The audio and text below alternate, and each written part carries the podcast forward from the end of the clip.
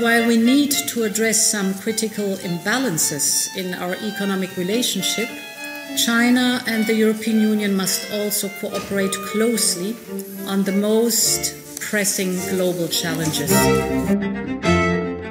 Welkom bij de podcast Waarom Europa? Europa-specialist professor Steven van Hekken van de KU Leuven en journalist Joris van der Poorten blikken terug op de afgelopen weken. Wat moeten we onthouden? Wat is blijven hangen? Wat ligt er op tafel en zal daar misschien nog een tijdje blijven liggen? Waarom Europa?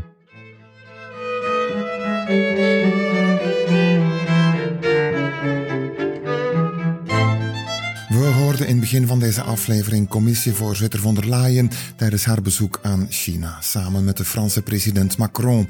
Het is een van de onderwerpen in deze terugblik. Naast graan uit Oekraïne, een pakket klimaatwetten waar het Europees Parlement mee heeft ingestemd en de vliegreizen van Charles Michel.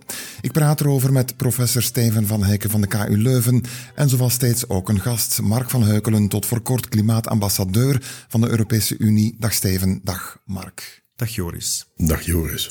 Ja, voor we eraan beginnen, je bent in oktober 2019 de allereerste Europese klimaatambassadeur, klimaatdiplomaat geworden, na een lange carrière in Europese kringen. Nu, wat doet zo'n klimaatdiplomaat, wat je tot, tot maart dit jaar bent geweest, hè? Wel, een klimaatdiplomaat eh, moet werken op basis van twee basiselementen. Eén, Europa is verantwoordelijk voor maar 7,5% van de uitstoot. Twee, uh, de akkoorden van Parijs die zijn zeer gedecentraliseerd. Je moet andere landen ertoe aanzetten om meer ambitie te tonen. En dat is wat een klimaatdiplomaat doet. Ervoor zorgen dat andere landen meer ambitie hebben. Ja, en in verband met het klimaat heeft het Europees Parlement afgelopen maand enkele belangrijke wetten gestemd. De pijlers van de Green Deal wordt gezegd. De ambitie om tegen 2050 klimaatneutraal te worden. We horen een van de rapporteurs, de Nederlandse Esther de Lange van de EVP. If you want to reduce CO2 emissions, and that we want to do, we want to take the lead. Um, uh, and we want to deliver for our generation, but in particular for the next generations to come. If you want to do that, the best instrument to use is the ETS system. Uh, it has a proven track record uh, in terms of delivering the targets that we set ourselves. Uh, because you work via the market and because you give industry an incentive to improve and to produce less uh, CO2. It works better than just asking member states to please reduce uh, CO2. So in that sense, if you want to deliver on the CO2 reduction, you also need ETS in the buildings and in the transport sector. Ja, we horen de Lange zeggen dat het ETS-systeem goed werkt. Het komt erop neer dat onder meer de zware industrie sinds 2005 certificaten moet kopen om CO2 te mogen uitstoten, wat elk jaar duurder wordt. En bedrijven dus gaan innoveren. En dat systeem wordt nu uitgebreid, onder meer naar gebouwen, de verwarming ervan en naar transport. Is dat de juiste weg, Mark? Dat is helemaal de juiste weg. Uh, carbon pricing, dus het uh, plakken van een prijs op uh, vervuiling, op uitstoot, is een heel efficiënt economisch middel. En dus het feit dat dit goed gewerkt heeft voor de industrie, heeft Europa geïnspireerd om het nu ook toe te passen, weliswaar met een aparte pijler, op um, gebouwen en op wegtransport. Dus dit is inderdaad de, de weg die we moeten nemen. Als je zegt de juiste weg, het heeft resultaat gehad. De CO2-uitstoot is sinds 2005 dus verminderd daardoor. Het ETS-systeem, het systeem van verhandelbare emissierechten, is het werkpaard van Europa om de uh, uitstoot van CO2 naar beneden te brengen. Dat heeft zeer goed gewerkt. Uh, in de sectoren waar dit van toepassing is, hebben we eigenlijk meer bereikt dan de doelstellingen die we ons hadden vooropgesteld. Ja. Wat vind jij, Steven, van die uitbreiding van dat ETS-systeem? Ja, dat die uitbreiding is gekomen, dat zat er al een tijdje aan te komen. Het gelijk speelveld kennen we uit het mededingingsbeleid, maar het geldt hier ook. Verschillende sectoren ontsprongen nog de dans. En de Europese Commissie breidt een systeem uit dat inderdaad daar verdiensten al heeft verwezen. Trouwens ook niet alleen naar wegtransport. Er is ook een aparte pijler in de maak voor de luchtvaart. Hè. Die fameuze kerosine die tot nu toe de dans heeft ontsprongen. Ook kleine ondernemingen zullen een bijdrage moeten leveren. Dus ik denk dat we nu echt naar een, naar een veel en vooral systeem gaan. Weliswaar ook met een aantal overgangstermijnen en specifieke regels voor specifieke sectoren. Nu, de vrees bestaat dat bijvoorbeeld de brandstofsector de meerkost gaat doorrekenen aan de gezinnen en daarom komt er vanaf 2026 een sociaal fonds van 86 miljard euro. Is dat hoe Europa functioneert, Steven? De markt laten werken via ETS, maar ook sociaal corrigeren. En de vraag is natuurlijk, gaat het dan ook voldoende zijn? Ja, dat is net het opzet, dus dat een deel van de opbrengst van dat ETS-systeem terugvloeit naar de partijen die daar in de eerste plaats letterlijk ook de prijs voor betalen. Denk aan uh, huishoudens die niet in staat zijn om een energierekening uh, naar beneden te halen, omdat ze nog moeten isoleren. Ook publieke gebouwen, kleine ondernemingen. Uh, de idee is dat die dan met dat geld die investering kunnen doen, zodanig dat ook die uitstoot terug naar beneden gaat. Niet alleen het compenseren, maar ook tot, het, tot een gedragsverandering aanzetten. Dat is eigenlijk ook zoals de Europese Unie altijd zou moeten werken. Strenge regels opleggen, maar zeker ook de zwakste spelers niet uit het oog verliezen. We hebben dat Sociaal Klimaatfonds, dat is niet het enige wat we hebben. Hè. We moeten ook vermelden het feit dat via de structuurfondsen al een heel groot stuk gaat naar regio's om mensen en bedrijven te helpen in de transitie. Je hebt het moderniseringsfonds dat nu al bestaat, voor, dat verbonden is met de verhandelbare emissierechten. We zullen zien uh, of het voldoende is, maar uh, inderdaad, zoals Steven zegt, je hebt een marktinterventie en die moet je uh, sociaal corrigeren waar nodig. Ja, en om ook de Europese bedrijven te beschermen tegen concurrentie van buiten de Unie, wordt een koolstofgrensheffing uitgerold voluit het Carbon Border Adjustment Mechanism of CBAM, taxen voor bedrijven die buiten de Unie goedkoper kunnen produceren, omdat ze minder rekening moeten houden met de klimaatimpact opnieuw dat marktmechanisme, Mark, door in dit geval een gelijk speelveld te creëren, ook voor de bedrijven van buiten de Unie? Inderdaad, uh, met deze maatregel is Europa de eerste die een grensheffing gaat introduceren die verbonden is met klimaatbeleid. Wij hopen dat wij niet de enige gaan blijven. CBAM is inderdaad een heel innovatief instrument dat er moet voor zorgen dat de koolstoflekproblematiek wordt aangepakt. Indien Europa en, zijn, en haar bedrijven moeten betalen voor vervuiling en anderen niet, dan is het gevaar groot dat we meer gaan importeren van landen die een laks klimaatbeleid hebben, of dat bedrijven uit Europa gaan weggaan en op een ander gaan produceren. Daarom CBAM, nogmaals, de juiste weg en we hopen dat er veel navolging zal zijn. Ja, Europa gaat dus bedrijven beschermen, eigen bedrijven, Europese beschermen met die CBAM, gaat gezinnen beschermen met dat sociaal fonds. Maar dan zien we dat nadat het parlement gestemd heeft, ook de lidstaten dat wel goedgekeurd hebben, maar België zich heeft onthouden wegens verdeeldheid onder de deelstaten. Gezichtsverlies, Steven? Ja, dat denk ik wel. Het is toch voor België een pijnlijke episode die al een tijdje bezig is. Dus het aantal uh, beslissingen waar België geen deel van kan uitmaken, dat loopt toch stilaan op. Hè. Dat heeft intern Belgische redenen. Um, alle onderdelen, de zogenaamde gefedereerde entiteiten, gewesten en gemeenschappen, moeten tot een intern Belgisch compromis komen. Als dat niet het geval is, dan heeft iedereen een, een uh, vetorecht. Hier gaat het uiteraard om de Vlaamse regering en Zuhal Demir, de minister die verantwoordelijk is voor die leefmilieudossiers. Uh, zij is het niet eens, of de Vlaamse regering toekoer is het niet eens, waardoor België geen standpunt kan innemen. Het gevaar is dat op den duur de andere lidstaten met België geen rekening meer zullen houden. Het is eigenlijk de clash tussen een soort vetecultuur, uh, die er misschien wel binnen België bestaat, hè, maar de cultuur in Europa is die van het compromis. En daar gaat men eigenlijk onderhandelen tot iedereen, tot zoveel mogelijk lidstaten aan boord zijn. Als die lidstaten dan in de gaten hebben dat België toch geen deel zal uitmaken van de beslissing, dan kan er ook niet met de wensen, met de verzuchtingen van België rekening gehouden worden. Dus ik denk dat dat een zeer kwalijke evolutie is. Ben je het daarmee eens, Mark? Een kwalijke evolutie? Dat België er blijkbaar niet in slaagt om dat gezamenlijke standpunt te vertolken? er is inderdaad het gevaar dat als je continu uh, een positie hebt van onthouding, dat je jezelf neutraliseert. En dat je eigenlijk niet meedoet. Um, en inderdaad, uh, België heeft nu die veto-cultuur. Um, en die maakt dat je dan in Europa niet meespreekt. En dan heb je eigenlijk na verloop van tijd ook, om het symbolisch te zeggen, ook geen recht van spreken meer. Niet voor herhaling vatbaar eigenlijk. Luister, uh, de Belgische politiek en de Vlaamse politiek moet beslissen wat het beste is. Uh, maar het effect, het eindresultaat is dat wij onszelf uitrangeren.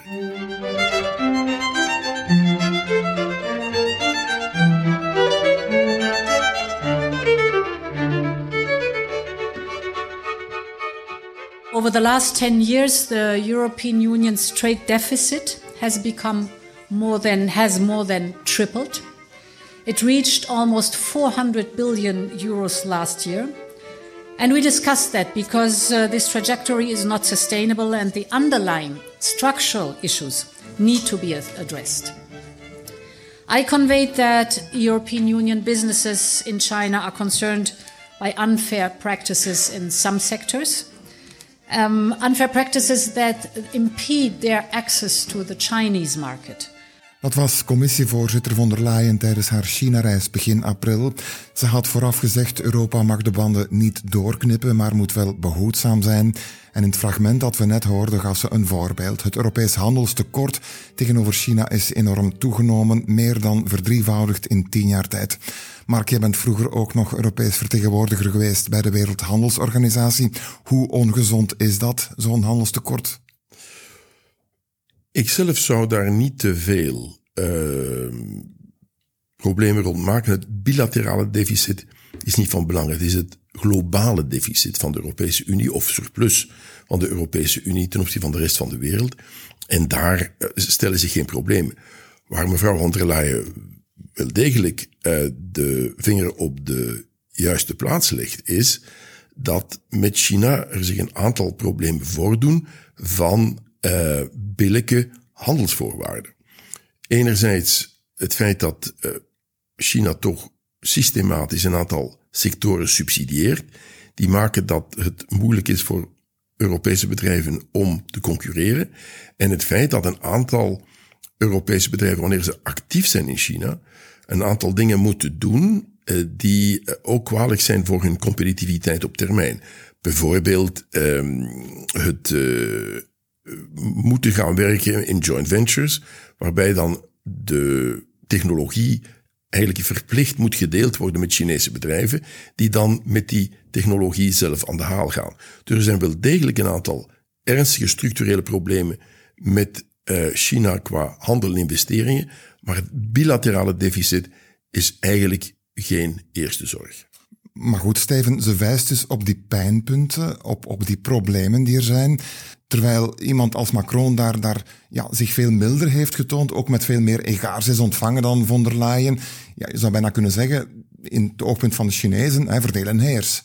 Ja, klopt, maar ze bespelen natuurlijk registers die tegelijk altijd bespeeld worden. Uh, en die ook niet nieuw zijn. Het is al een hele tijd dat China wordt omschreven als een partner voor samenwerking. Denk aan de strijd tegen de klimaatopwarming. Maar een economische competitor, we hebben het daar net al over gehad, die niet altijd ja, de, volgens het spel volgens de regels van het boekje speelt. Maar ook vooral een um, grote rivaal op uh, systemisch vlak, zoals we dat dan heten. Namelijk een autocratisch regime, volgens sommigen een, dictatuur, die natuurlijk een heel ander model voorstelt dan hier in het Westen. En ik denk dat Macron vooral op die samenwerking heeft gealludeerd, terwijl von der Leyen dan eerder uh, het competitieve en het rivaliserende heeft willen beklemtonen. Was er toch geen nevenschade? In de VS bijvoorbeeld waren sommigen kwaad omdat Macron zich te mild zou opgesteld hebben in, in het uh, dossier Taiwan, als ik het zo mag uitdrukken. Ja, dat klopt. Maar laat ons toch ook nog eens zeggen dat het een goede zaak was dat ze samen zijn gegaan. Oké, okay, er was misschien ook wel wat ruis. Hè?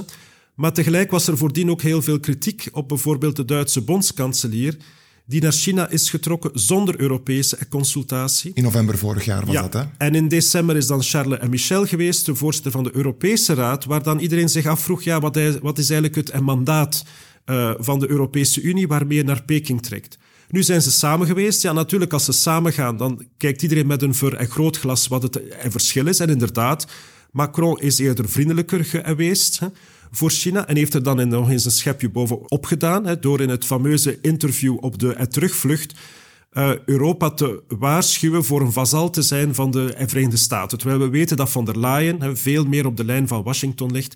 Nu, het gaat niet alleen om tendensen tussen hen, het gaat ook om gevoeligheden binnen de lidstaten. En ik denk dat ja, er was niet alleen kritiek uh, op de uitspraak van Macron in uh, Washington. Maar ook verschillende landen van Centraal- en Oost-Europa vonden het eigenlijk niet kunnen dat op het moment dat de Verenigde Staten eigenlijk voor ons de kastanjes uit het vuur halen in Oekraïne, op dat moment hè, er dan eigenlijk kritiek wordt geleverd hè, en er vriendelijk wordt gedaan tegenover China. Hè. Een van de ministers van Buitenlandse Zaken heeft onder meer gezegd, ja, laat de Fransen dan maar de rol over en nemen van de Amerikanen in Oekraïne en dan zullen we nog eens spreken. Wat is jouw balans als je erop terugblikt, Mark?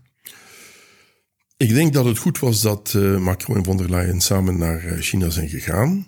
Uh, zoals Steven net zei, is het altijd op een slappe koord dansen, omdat er fundamenteel binnen de Europese Unie wel degelijk verschillen zijn in de manier waarop we tegen China aankijken.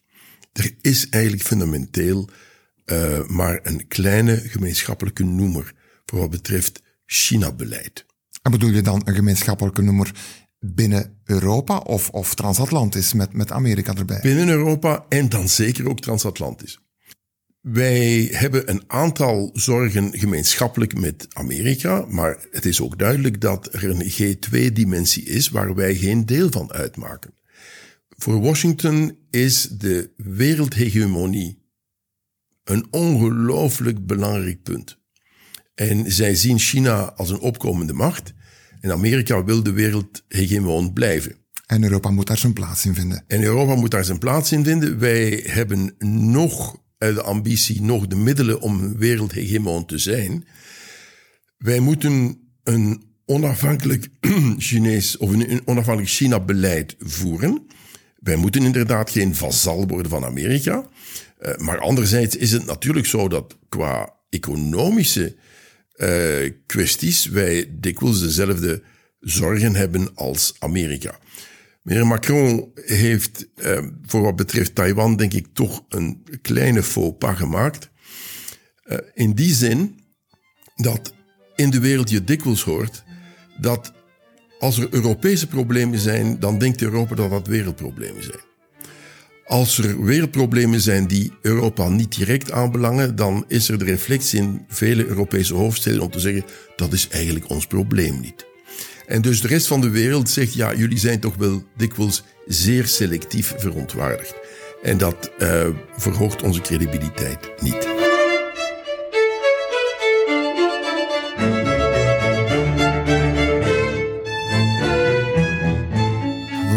Ook hebben over graan uit Oekraïne. Midden april beslissen Polen en Hongarije om de invoer van dat graan te verbieden. Het overspoelt de lokale markten en zet de prijzen van Poolse en Hongaarse boeren onder druk. Zo klonk een van de woordvoerders van de commissie, Miriam Garcia Ferrer.